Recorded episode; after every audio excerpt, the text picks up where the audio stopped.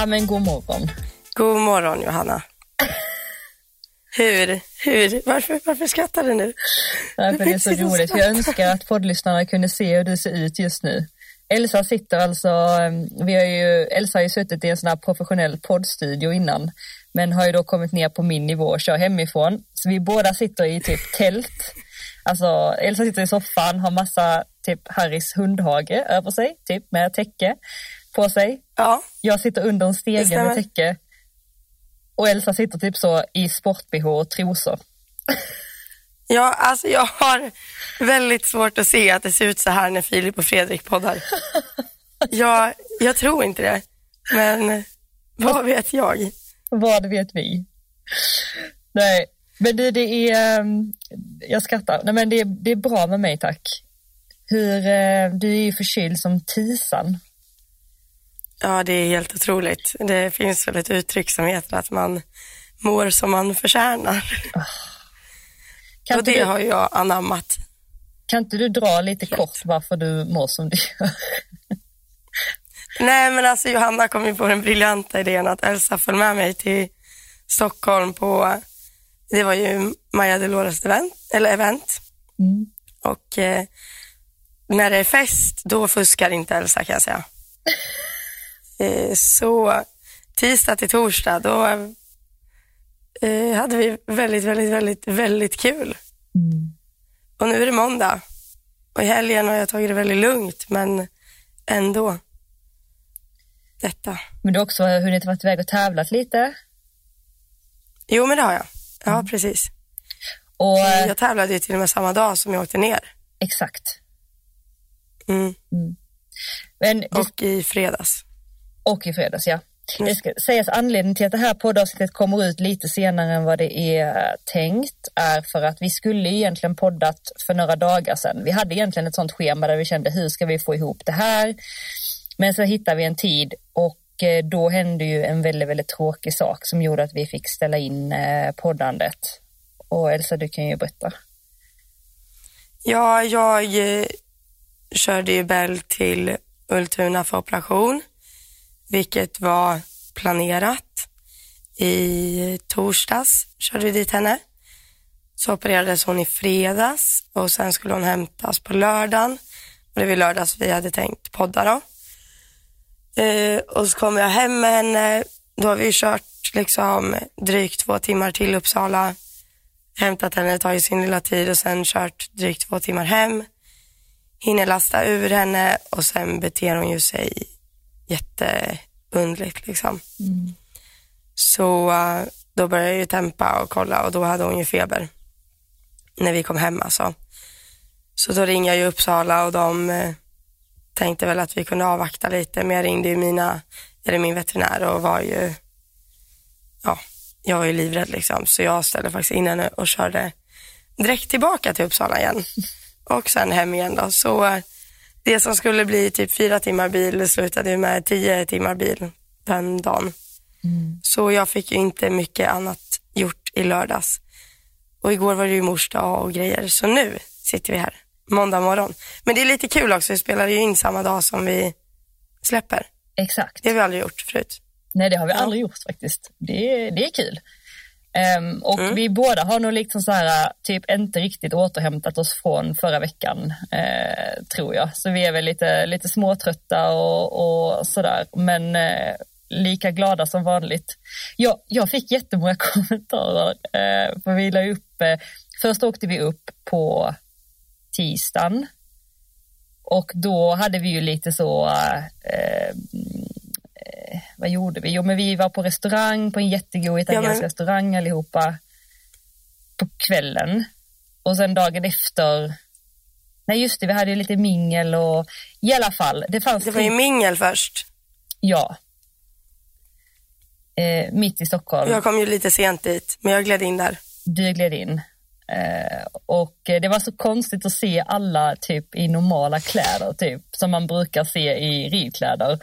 Och det var det jag skulle komma till, att det var så många som skrev på min Instagram att det var konstigt att se mig i vanliga kläder, att det såg liksom så här weird ut. Och jag kom på det att det gör ju faktiskt det när man inte är van att se ridfolk i vanliga Ja, ja, kläder. och samma, det blev inte bättre av att det var liksom Gatsby party. Man kände inte igen någon.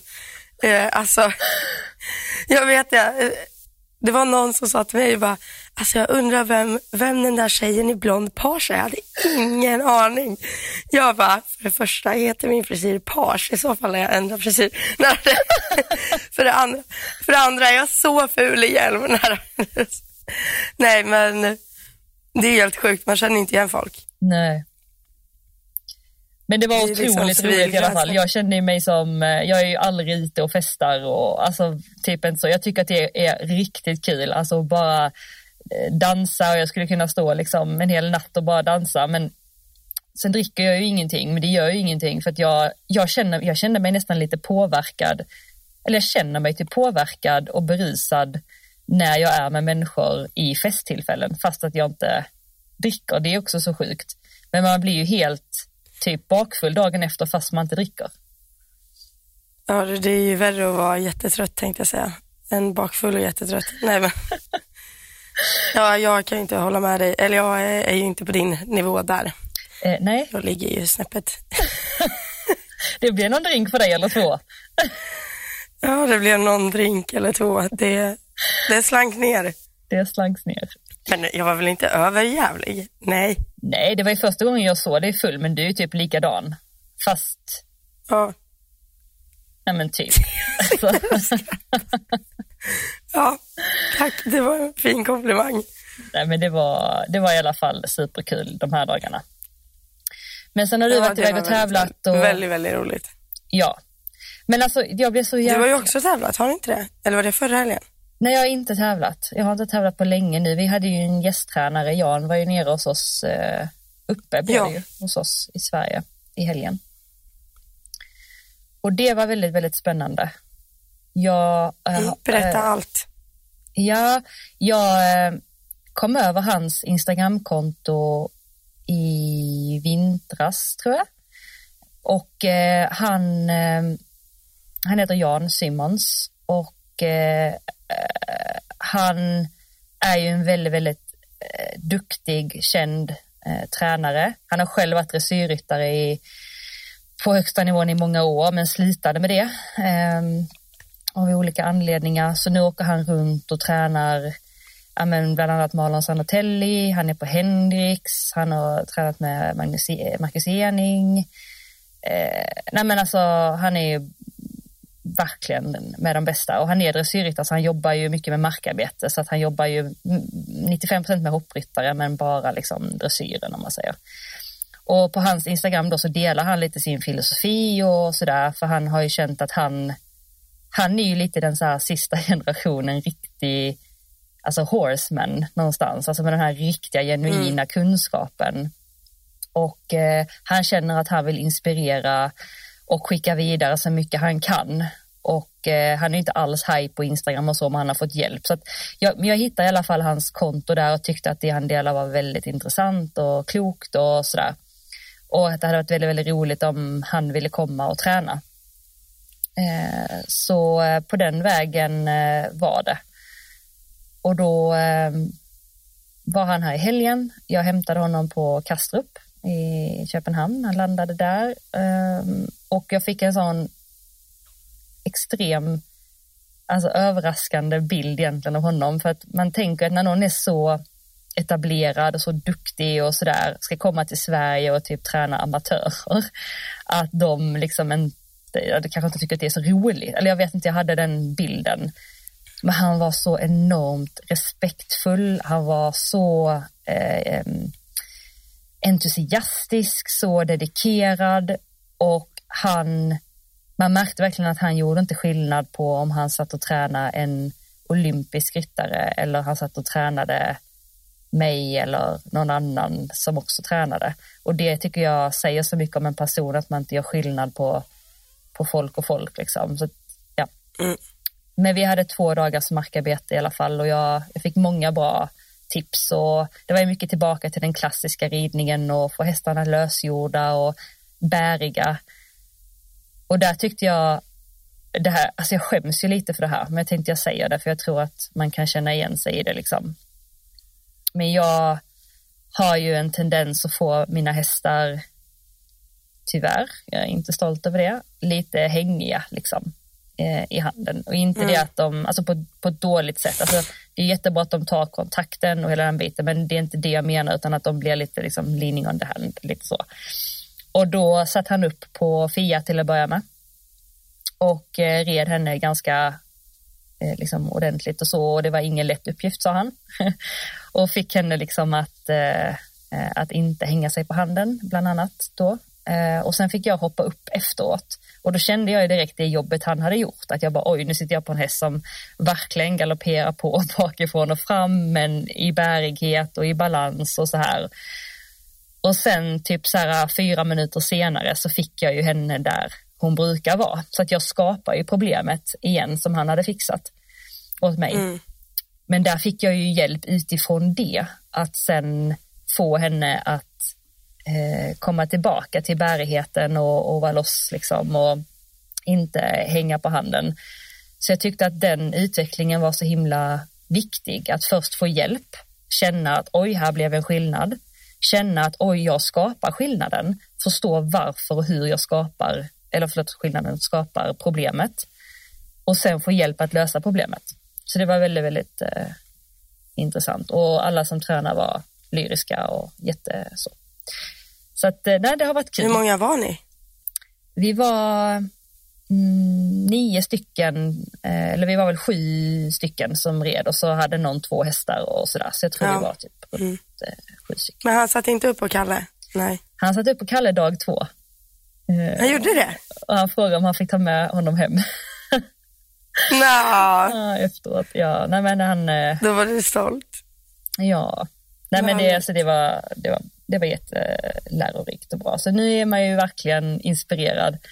Eh, Jag satt så igår, du vet hela kvällen och bara tittade på gamla videosar och nya videosar och tittade på videos från träningen Ja. och bara kände att nu vill jag bara åka och rida nu. Alltså den känslan. Ja. Hade du Andreas med dig som filmade varje steg?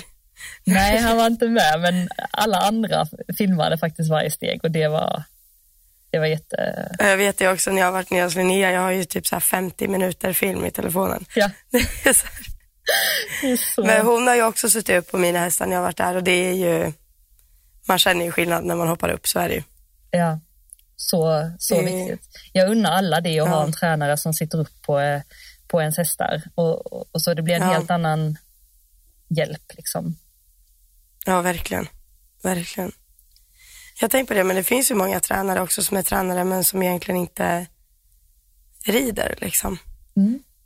Eh, det alltså det, när jag var i Danmark så tränade vi för en icke-ryttare liksom. Mm. Men han var ju, han var ju grym också för att han hade ju verkligen öga för hur det skulle, skulle se ut. Men han hade ju aldrig kunnat hoppat upp och gjort, gjort jobbet själv. Mm. Det är väldigt intressant hur man liksom kan bli så bra på att se, men egentligen inte, förlåt, egentligen inte veta överhuvudtaget liksom.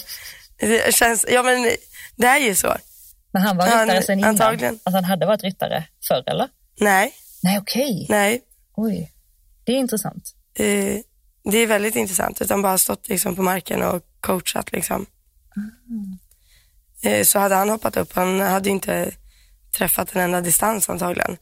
Men han hade ju väldigt bra öga för hur det skulle se ut, att hästen skulle vara under sig och liksom och var jättebra på att förklara, alltså allting. Det, här fick jag ju reda på bara alltså, efter någon månad när vi hade tränat liksom. Oj. Så jag hade ju ingen aning om det. Mm. Sen jag bara, jaha, nej, han, okej. Då blev man ju nedtagen på jorden när man själv har ridit i 20 år för att lära sig någonting. Ja, nej, men det är helt sjukt. Vissa har ju verkligen öga för det, även fast de inte har suttit upp på hästen. ja, verkligen. Jag läste, Men- jag läste en bok av George Morris för typ ett, eh, ja men jag tror det var ett år sedan eller så här. Men han, han sa i alla fall det i boken att en tränare ska alltid kunna sitta upp och göra det som han ber av sin elev. Ja, önskar. Eh, sen kan man ju diskutera, eh, jag menar inte att det, det är rätt liksom, men det var bara ett intressant tankesätt. mm. Och sen slog det mig en grej faktiskt, jag pratade faktiskt lite med Jan om det. Jag vet inte om du, du får jättegärna komma med din input där. det finns ju ryttare eh, och tränare, hästmänniskor, som bara har det typ från att då första gången de sitter på en mm. häst. Eh, typ som Jan berättade när han satt upp på sin första häst någonsin. Då bara sa liksom ridlärarna direkt att den här killen har det. Liksom. Det är som att han har ridit mm. innan. Och jag vet min tränare är också så. Alltså de, de bara har det. Liksom. Och då eh, pratar vi lite om det, för jag upplever att folk som bara har någonting kan ibland ha en tendens eller ha en svårighet att sätta ord på och förklara för dem som inte har det. Mm. Och då drar jag också parallellen till jag och Ansi, Ann-Sofie Oskarsson, A-tränare, eh, jätteduktig i ridit svårhoppning. Hon är ju mest, eh, hon är ju liksom hennes mental, eh, mentala inställning, eller vad man ska säga. Hon, hon, är liksom, hon har aldrig behövt jobba typ med sig själv för att hon har alltid, det har bara varit så naturligt för henne. Så hon har jättesvårt att förstå de som har, känner rädslor eller osäkerhet eller sådär. Och det är mm. därför jag får jobba med hennes elever exempelvis, för att hon inte vet hur hon ska bemöta det. Och jag upplever samma med vissa som rider liksom. Och, och jag känner ju ibland att fastän jag, jag inser att jag har ju typ så skapat, allting jag kan är ju typ så här intränat. Jag har nog mm. aldrig liksom tyvärr varit den här naturbegåvningen som jag önskar att man typ var. Men kan du känna igen dig liksom, eller kan du se det? Jo, verkligen. Mm. Verkligen, och speciellt när man är, när man är tränare också så är det väldigt enkelt och eller enkelt, man kan, sen beror det ju mycket på vad man sitter på, på för häst och sådär också, men man, man kan se direkt när någon är så här, typ en, en typisk sån grej, så här, distanser till hinder eller någonting. Mm. Jag har ju fått lov att liksom, jag måste rida mig lite till det. Mm. Jag måste kunna ha den galoppen jag vill ha, ha hästen där jag vill ha den, då har jag inga problem överhuvudtaget. Mm. Men sitter jag på en häst som jag inte har där jag vill ha den, då, då är jag blind alltså. Mm. Helt. Mm. Eh, men det där är ju jätte, det där pratade inte vi lite med Andrea Brandt om det där på middagen också?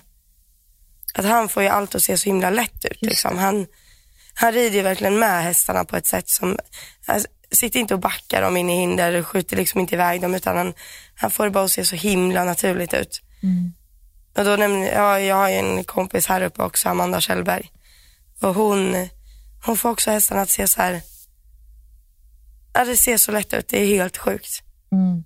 Det är bara, det, det, är som att de sitter på hästarna och gör det som om de vore hoppade runt där lösa liksom. Mm. Mm. Utan, att, utan att det blir flakt och sådär såklart. Mm. Men, eh, men de måste ju också ha tränat. Det ligger ju miljontals med språng i kroppen tänkte jag säga. Ja, såklart. Det, och det, alltså det är inte alls så jag menar. Det ligger jättemycket träning och Alltså det är verkligen som man säger att uh, hard work beats talent when talent doesn't work hard. Det är ju verkligen så, man kommer ingenstans ja. på bara ren talang, du måste jobba hårt också. Men jag menar bara det här ibland att när jag tränar för någon som är en sån extrem naturbegåvning och ska försöka förklara för mig vad jag ska göra, mm. då kan den personen upplever jag ibland ta för givet att när vi gör den här övningen, ja men då ska innerskänken ligga på eller då måste ja. jag stötta upp på ytter för att det är bara självklart, det, det, är sånt man bara vet. Men jag då som tar instruktionen gör ju kanske då exakt som personen säger och stänger av lite mitt egna tänkande mm. och kanske till och med inte ens vet. Jag har, oj, jag ska tänka lite bakdelen in när jag svänger eller jag ska tänka lite, eller vad, alltså ni hittar bara på men, men att det är så Jo självklart. men det är ju väldigt, alltså det, det kan du göra på två sätt. Om vi säger att du ska rida in och göra en liksom, om du ska flytta hästen undan högerskänken. Antingen säger du det, gå in och gör en sidvärts där. Eller säger du, gå in och så ställer du lite högre och så lägger du, lägger du an skänken och så tänker du att du har lite driv igenom. Mm. Alltså det, mm. det finns ju två sätt att, att se på det. Men eh, det där, ja, jag tänker att där lär man väl som tränare tänka vilken nivå ens elev är på, hur mycket stöttning som behövs. Mm. Men jag, jag är helt med på hur du menar. Mm. Att vissa som är bara naturbegåvningar, de, alltså, var det inte Malin Bajard som sa det, att hon tyckte det var lite svårt att lära ut? Jag vet jo, inte. Jo, det sa hon. Jag frågade, när jag frågade om jag fick träna för henne så sa hon att hon inte, mm, nu vill jag inte lämna ut allt hon sa, självklart, men kort sagt så sa hon Nej. att eh, hon kände kanske inte att hon var superbra på att lära ut liksom. Men Malin är ju en sån råtalang liksom, det är bara, alltså hon Ja, är ju, ja. hon kan nog ibland inte ens förklara vad, hon gör. Liksom. Nej, det är helt otroligt liksom. Det, Mm. ja. Nej, jag, alltså den, den enda så bilden jag har i mitt eh, huvud är ju när hon rider El Baron på hingstvisningen och han är lite, ja, han är lite fresh liksom. Och står ju i lätt sits och typ klappar han lite på halsen i halvlång tygel. Och hon bara så här, hon, hon lägger inte ens en blick på det där 1,60 räcket. Hon bara rider emot det, typ så här, klappar lite på halsen, du vet så här, rakriktar typ fyra språng innan och så bara, världens lira. Och man bara, jaha, ja ja. Det var så. Jag hade behövt rida 20 varv, varv på volten där uppe. Så har haft hästen rak i båda tyglarna. Så kommer lite nära, komprimera ihop allt liksom, för att ens få en tiondel så bra språng. Liksom. Nej, hon är helt, helt otrolig alltså. Ja, Herregud. Ja. verkligen. Men eh, där ligger det några miljontals språng i kroppen.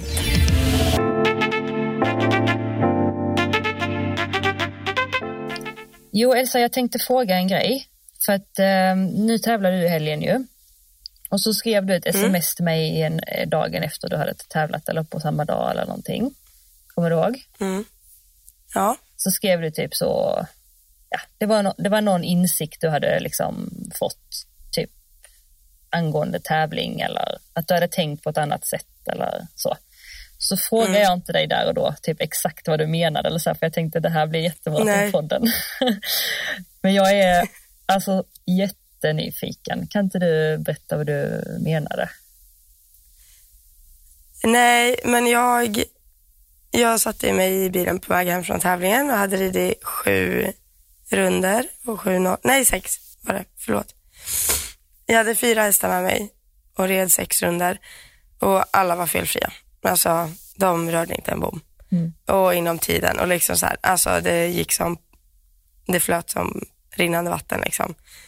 Och dels för att jag hade med mig jättebra folk som fick det att funka och packa ut hästar. Jag hade tre hästar i samma klass och du vet så här bara pang, pang, pang. Nolla, nolla, nolla. Då började dagen så här nolla, nolla och sen hade vi gjort hälften nollor. Då brukar jag alltid säga om man har haft hälften med nollor, då är det så här, ja men då kan det gå hur som helst resten av dagen. Det brukar jag alltid skämta om och säga när man har gjort hälften av rundorna och alla varit nollor. Eh, och så bara fortsätter det och sen till sista klassen så spöregnade det ju vet, jag kunde ju knappt hålla i tyglarna, fick ta av mig handskar och liksom eh, fixa och dona. Du vet, jag red ju första, rund, alltså, första delen av rundan med typ så här två decimeter för lång tygel och andra delen med två decimeter för kort kändes det som. Men eh, ja, nolla där också. Och gick ut och så bara, då åker vi hem då. Men, eh, och då skrev jag ju till dig efter, för jag kom liksom till insikt med att för det var speciellt, jag debuterade en meter på en fyraåring och den är lite vinglig i kombinationer. Liksom.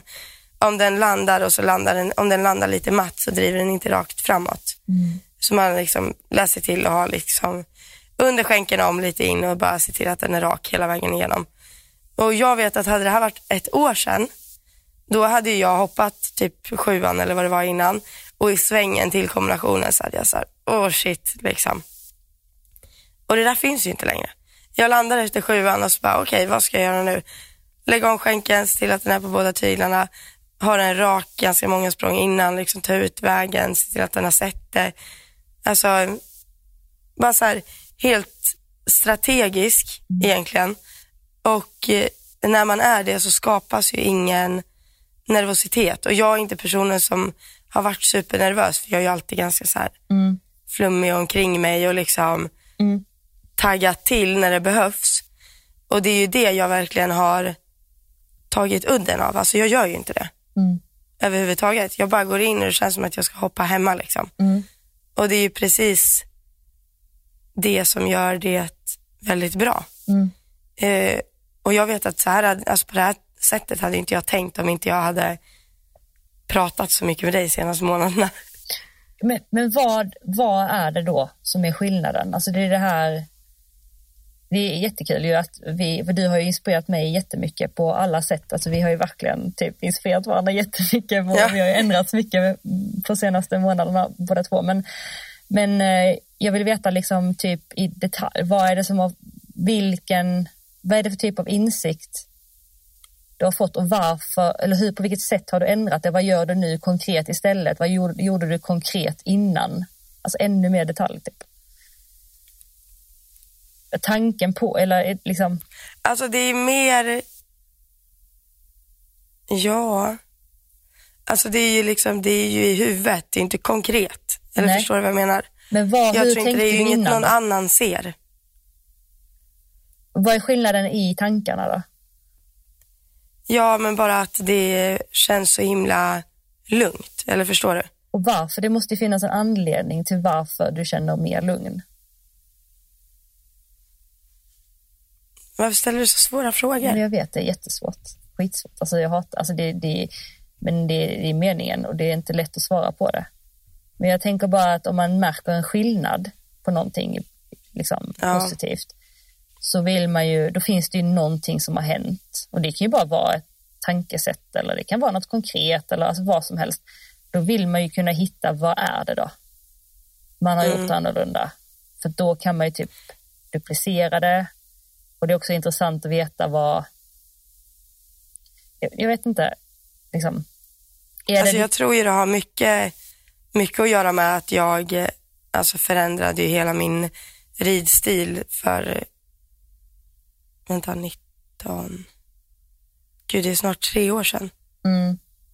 Eh, när jag var nere hos Linnea första gången. Mm. Förlåt, jag är jätteförkyld. Ja, eh, sitter där och snörvlar.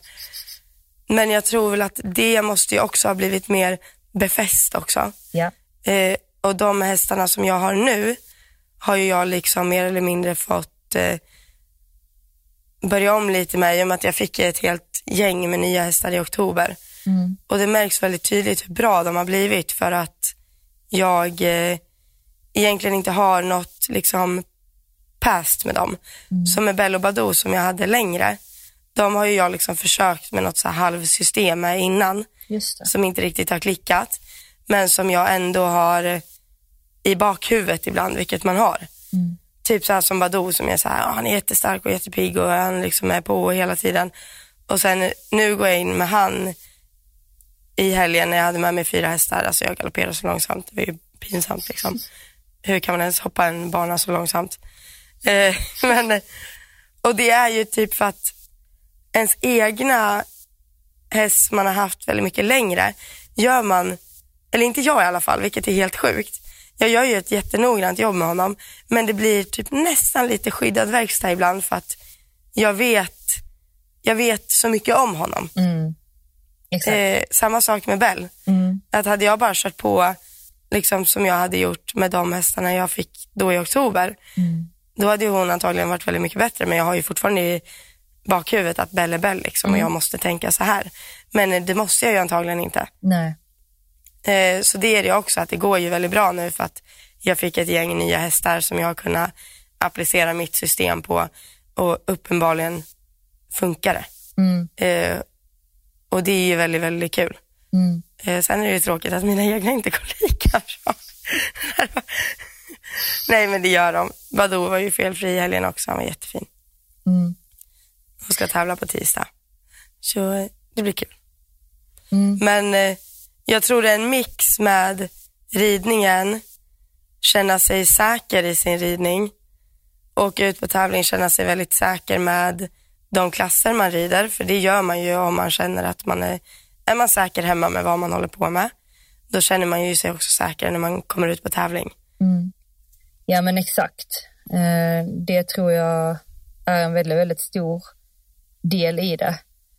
Jag tänker att det, det är så intressant det här, eh, för det du egentligen säger är ju nu att, eller du får rätta mig om jag har fel, men när du kunde fokusera på vad du faktiskt behövde göra till den här kombinationen istället för att tänka på vad skulle kunna ske eller hoppas inte det här sker.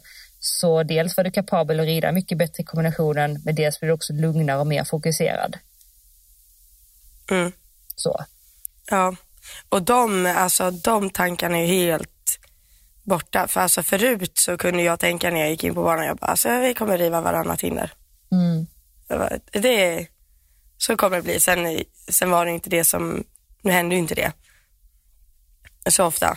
Men ibland hade jag känslan av att så här, känna mig lite hjälplös typ. Mm. Av, jag vet det, ofta när jag gick in med Bell, liksom, att har jag inte rätt, rätt tryck, rätt det här, liksom, då, då kanske inte kommer någon språng överhuvudtaget mer eller mindre. Mm. Men, eh, och sen såg man ju ändå till att rida, det är det jag menar, det, jag tror inte det är något någon kan se riktigt, men det är ju en känsla. Mm. Eh, som gör ju såklart att man rider mycket bättre också. Men det är ju kanske inte något som vem som helst skulle se någon skillnad på. Mm. Nej, exakt. Men det är känslan som är den viktiga där, att känna. Mm. Och jag, jag tycker det är så intressant det här att jag, jag hade faktiskt precis innan vårt, vi började podda så hade jag eh, ett coachingsamtal med en tjej där vi pratade just om det här. Att alltid liksom rida den hästen man har idag. Inte den hästen man hade igår eller den hästen man önskar att man hade. Nej. Och då menar jag typ så här att om jag har haft en jättebra träning igår, då är det så naturligt att man vill att det ska gå inom stationstecken lika bra idag och så börjar man liksom försöka börja där man slitade igår. Mm. Och, och, så går det oftast kanske inte då och så skapar det en frustration istället vilket gör att man blir helt blockad och det, ingenting funkar ju. Men om man istället bara hade så här, okej, okay, igår var igår, idag är ett helt nytt kapitel. Låt oss öppna boken och se vad som står idag. Eh, hur känns hästen? Vad händer?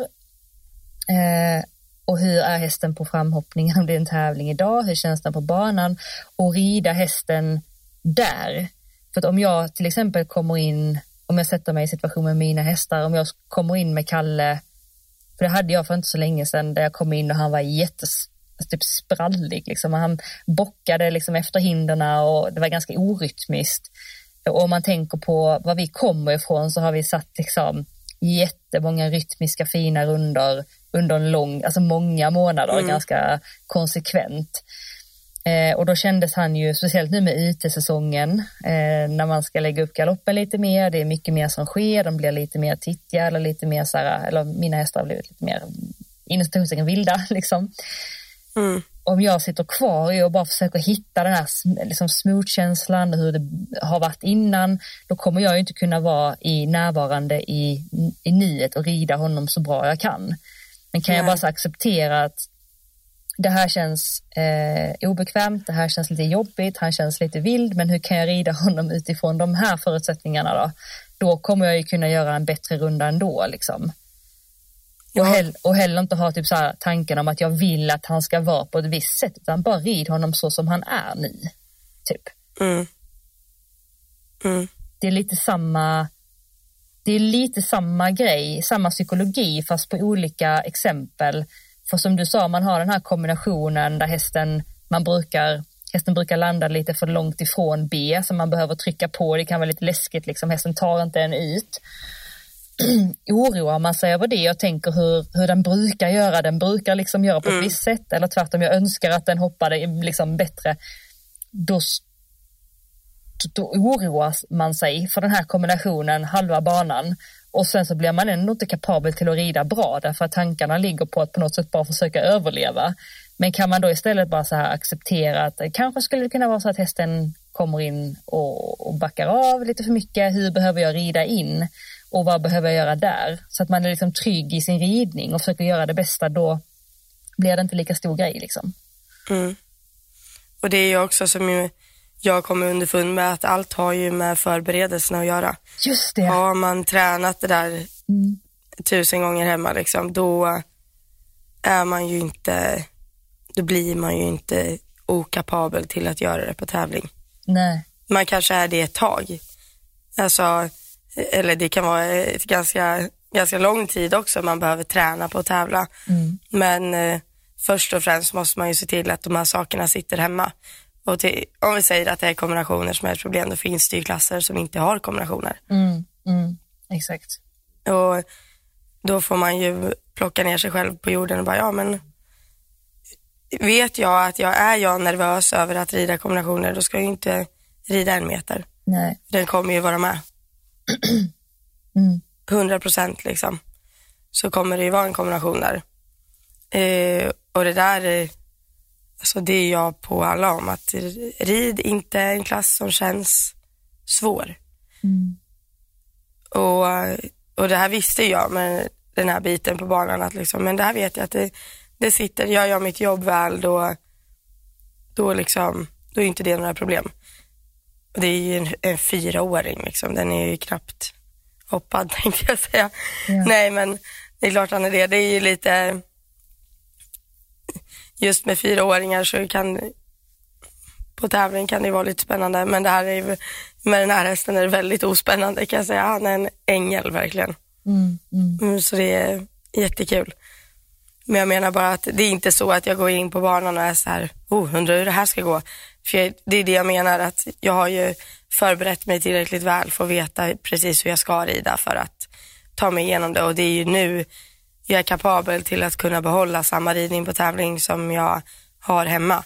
Och det är svårt. Det behöver man ju träna sig till. Och tävla väldigt mycket, skulle jag säga. Eller jag behöver det i alla fall. Och så tä- alltså tävla ganska mycket för att ha det, ha det i mig hela tiden. Mm. Och där vet jag, nu kommer jag inte ihåg vilken ryttare det var som sa det, men han sa det i alla fall att liksom, nej, men jag måste ut och rida svårhoppning, alltså 1,50, 1,55 varje helg för att jag ska kunna ha det liksom, för att det ska funka. Jag, han sa det också att jag kan inte träna, bara sitta och träna hemma för då det sitter fortfarande inte, jag måste tävla mig i form liksom. Mm. Och det där, ja, jag tror ändå på det. Måste jag, tror- säga. Det tror jag också och det känner man ju själv när man har haft ett vinteruppehåll eller alltså Mm. några veckor utan. Man blir lite ringrostig, den här tajmingen, den här skarpheten, den här alltså känslan för ja, men, tävling och allt, det liksom lite avdunstar lite. Och det vet jag också, jag har haft ett gäng klienter som har ridit svår hoppning, 1,50 till och med någon 1,55 eh, för länge sedan. Alltså för kanske fem år sedan, någonting sånt, och vissa fler. Som nu har liksom fått börja om, de har sålt sin bästa häst och så har de fått eh, komma ner och bygga om liksom och göra alla så igen. Och som nu tycker att 1,30 känns supersvårt och högt liksom. Eh, även om de har ridit 1,50 på väldigt stadig nivå innan. Mm. Och då upplever jag att man är väldigt snabb med att kritisera sig själv då. Eller så här, om jag, gud, jag har ju hoppat 1,50 innan så är det, vad töntig jag är nu som tycker att 1,30 är löj, alltså svårt. Men det är ju inte alls konstigt. Alltså herregud. Det är ju inte så att man bara helt plötsligt känner sig trygg med att rida på de här stora hindren utan det är ju verkligen en process hela vägen dit. Och det är någonting som du säger man behöver göra hela tiden. Jag menar, jag kan ju tycka när jag gick ner jag red Safira, det sista jag gjorde med henne var 1,30-35 klasser. Och sen skulle jag gå ner och hoppa 91 meter med Kalle. Och när jag skulle rida in i min första 1,10, jag bara, åh herregud vad högt 1,10 känns. alltså, Medan nu there. känns det ju Ja, mer det-. Jag vet, alltså jag vet det, för jag nu, jag var ju liksom 18, 19, ja men det är ju fyra, fyra, fem år sedan nästan. Nej vänta, det är 22, fyra år sedan. Jag red liksom 1,40 och alltså, och vi har ju haft det lite som, nu är ju Bell inte där för tillfället, men haft det liksom som att hon ska ändå gå 1,35 kanske till, till hösten eller innan utesäsongen är slut. Men alltså herregud, det är ju fan groteska hinder. Ja, ja. Det är tur att hon är stor tänkte jag säga. Jag är den ryttaren. Är- Desto större häst, desto bättre. Nej, verkligen inte. Har du Nej. tänkt på det? Vi har små hästar jag rider just nu. Du har inte tänkt på det? Förutom- Nej, det kanske inte ser ut som det. Nej, det är ett par små. Men typ Badoo är ju Nej, alltså jag har ju alltid sett mig själv som en person som vill ha en så här 1,75 jättescope, ja men som Bell är. Mm. Eh, och kan vara lite så här uh, emellan, lite så. Uh, och sen nu så rider jag ju tre stycken ston som är så här 1,61, 1,62, 1,63 typ. Mm. Alltså jag älskar ju dem. Det är de bästa hästarna som finns. Ja. Alltså, de är behändiga ja. att ha med sig. Uh, det är inte så mycket att tvätta och borsta. alltså det är stor skillnad på en jättestor häst. Och liksom, ja helt, helt fantastiska att gå in på banan med och rida. Ja. Men det är också jättestor skillnad vilken häst man sitter på. Alltså, ja. och det, det märker man egentligen bara om man har erfarenhet av att rida fler hästar och olika klasser. Annars är det nog svårt. Att typ om man bara kanske har haft en häst och bara ridit en meter. Alltså typ som jag när jag hade eh, en ponny så red jag liksom för stort för vad den egentligen klarade av. Och liksom en meter var ju typ, alltså den kunde väl gå ända tio liksom, men alltså typ en meter liksom. Och det kändes ju svårt alltså. Det kändes jättesvårt. Um, och det har jag också haft med någon, någon eh, storhäst när man har hoppat en 20 som har känt liksom, alltså här kom vi precis runt. Och då innan jag hade tillräckligt mycket erfarenhet, och jag har långt kvar, alltså jag har verkligen inte så mycket erfarenhet, men mer än vad jag hade då, då tänkte jag så här, gud, en 20 är nivån liksom. Det är det jag kommer klara av att hoppa för det här kändes så svårt. Men då fattar jag ju inte att det har ju, det var ju länge sedan såklart, eh, att det har ju mycket med hästen att göra. Sitter jag på en häst jo. som har scope liksom, så är det inte svårt att rida runt en 1,30. Men sitter jag på en häst som har lite scope och, och hela den biten, kanske inte jättebra inställning dessutom och så här, då blir 1,30 jättehögt. Alltså, jo, verkligen. Jo. Så hästarna är ju... Med att göra. Ja, hästarna är ju väldigt eh, atletiska idag kan man ju säga. Den, eh, vad de var för 10-15 år sedan bara tänkte jag säga. Mm. Det är ju, vi kallar den av dem jag rider för rådjuret. Det är som att sitta på ett rådjur. Det är så här helt fjäderlätt. Mm. Det tar inte ens i när det är 1,40 liksom.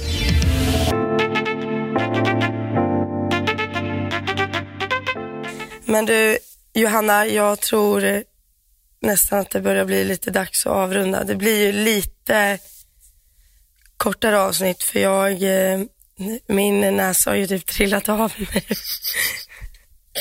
Ja. Alltså, det är så här på gränsen att droppa ner i micken. ja. ja. Nej, men det, ja, det tycker jag låter bra och vi hoppas ju att eh, vi har ju haft lite utmaningar som ni har hört med ljudet och så. Aldrig med Elsas men med min eh, mick och vi gör verkligen allt vi kan för att det ska bli bra. Så att nu mm. sitter vi faktiskt med samma mickar och sådär och nu testar vi det här och vi hoppas, det vet vi inte förrän efteråt när vi får höra från Martin och er, men att det har blivit bra. Men annars ska ni veta att vi jobbar jättemycket på det. Och det blir lite ja. korta avsnitt idag, men vi är tillbaka nästa vecka igen med lite mer eh, energi, lite nya krafter och sådär. Precis. Jag ska faktiskt... Det har varit ja. lite händelserik vecka så att säga. Det har jag, hänt mycket. Jag tar den. Det är, det är häst på sjukhus och förkylning och allt vad det nu är. Exakt. Men det är väldigt kul att få prata med dig en stund i alla fall. Ja, det är bättre än ingenting. Och jag ska faktiskt, jag har en ny upplevelse nu till helgen. Jag hade ju, har ju skaffat hästskötare och hon ska göra sitt första, första jobb nu till helgen med eh, tävling och så. Så det blir ändå spännande och kul. Och jag, kul, är inte, jag är inte van att vara chef liksom. Bara en sån sak. Nej, du, du ska inte fråga mig hur man är det. Alltså jag är helt värdelös. Men eh, vi har väldigt kul i alla fall. Det är en sak som är säker. Ja, ja. vi får se. Men gud vad intressant. När ska du tävla? Vilka? Jag tävlar ja. i helgen eh, två eller tre dagar, har inte riktigt bestämt, men två dagar med Kalle i alla fall. Jag har tagit ut Fia från tävlingar, det har jag kanske märkt, men jag har tagit ut henne ett par veckor här nu och bara, hon ska bara träna liksom. Eh, sen mm. får väl komma ut snart, men kanske näst, nästa vecka eller vi får se hur det går. Ja. Hästen bestämmer som alltid. Det låter bra och jag fortsätter mina tisdagstävlingar. Det är det bästa konceptet som finns. Oh, tisdagstävlingar, jag älskar tisdagstävlingar. Mer tisdags ja. och onsdagstävlingar. Mm. Ja, mer. Mer sånt åt folket. Men du, eh, överlever podden eller kan vi liksom, behöver vi lägga ner podden nu eller? Med swishen och så? Ja, eh, precis. Om den överlever. Jo, grejen är så här att den rullar faktiskt bättre från förra, förra veckans lilla... Visst sa vi det? Att det var 10... Nu har jag inte räknat på det om det är 10 procent som har swishat. Alltså, du har inte Men det räknat- känns, det är ju mer än en. Okej, det kanske är 2 Ja. som har swishat nu. Det kanske är 2 procent. Oj, nu börjar vi närma oss verkligen. Men vi vet inte, nu är vi ju inne på avsnitt nummer sex. Nu kanske vi är uppe i 3 procent efter det här, jag vet inte. Jag vet inte, vi får se. Det är ju helt... Eller så är, vägrar folk nu när jag sitter och snörvlar här. Ja, men exakt. Nej, men vi älskar er. Tack snälla för att ni eh, Ja. stöttar och sådär. Det är fantastiskt. Vi kör på ett tag till och testar det här med, med swishen så ser vi Ja, var vi landar gud. helt enkelt. Ja, det är helt fantastiskt med alla som lyssnar framför allt. Framförallt, det är det som är det, Det- viktiga. Liksom. Det är det viktiga, verkligen. Men jag vet att du har ett nummer, för det har inte jag framme. Just det, ja, men numret är, du hatar ju när jag säger det här numret. Ja, men det är för att du är så söt. Du säger det som den här mekonomen direkt. Ja, det är Karin. Ja, och så vill jag höra numret. Men det är bara för att man ska komma ihåg det. Nej, men det är så här. 1, 2, 3, 2, 9, 8, 1, 2, 3, 1. Ett, Så säger jag det på stockholmska också. 9, 8, 1, 2, 1. Sa jag rätt nu? Åh, ja. Tack Jag kanske snälla. sa fel nummer nu. Ja, ja.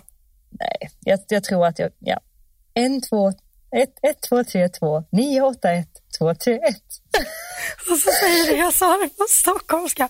Jag har fått höra, gud alltså instickare nu innan det är slut. Ja. Jag fick ju höra från säkert 10-15 personer när vi var i Stockholm att jag är dialektlös.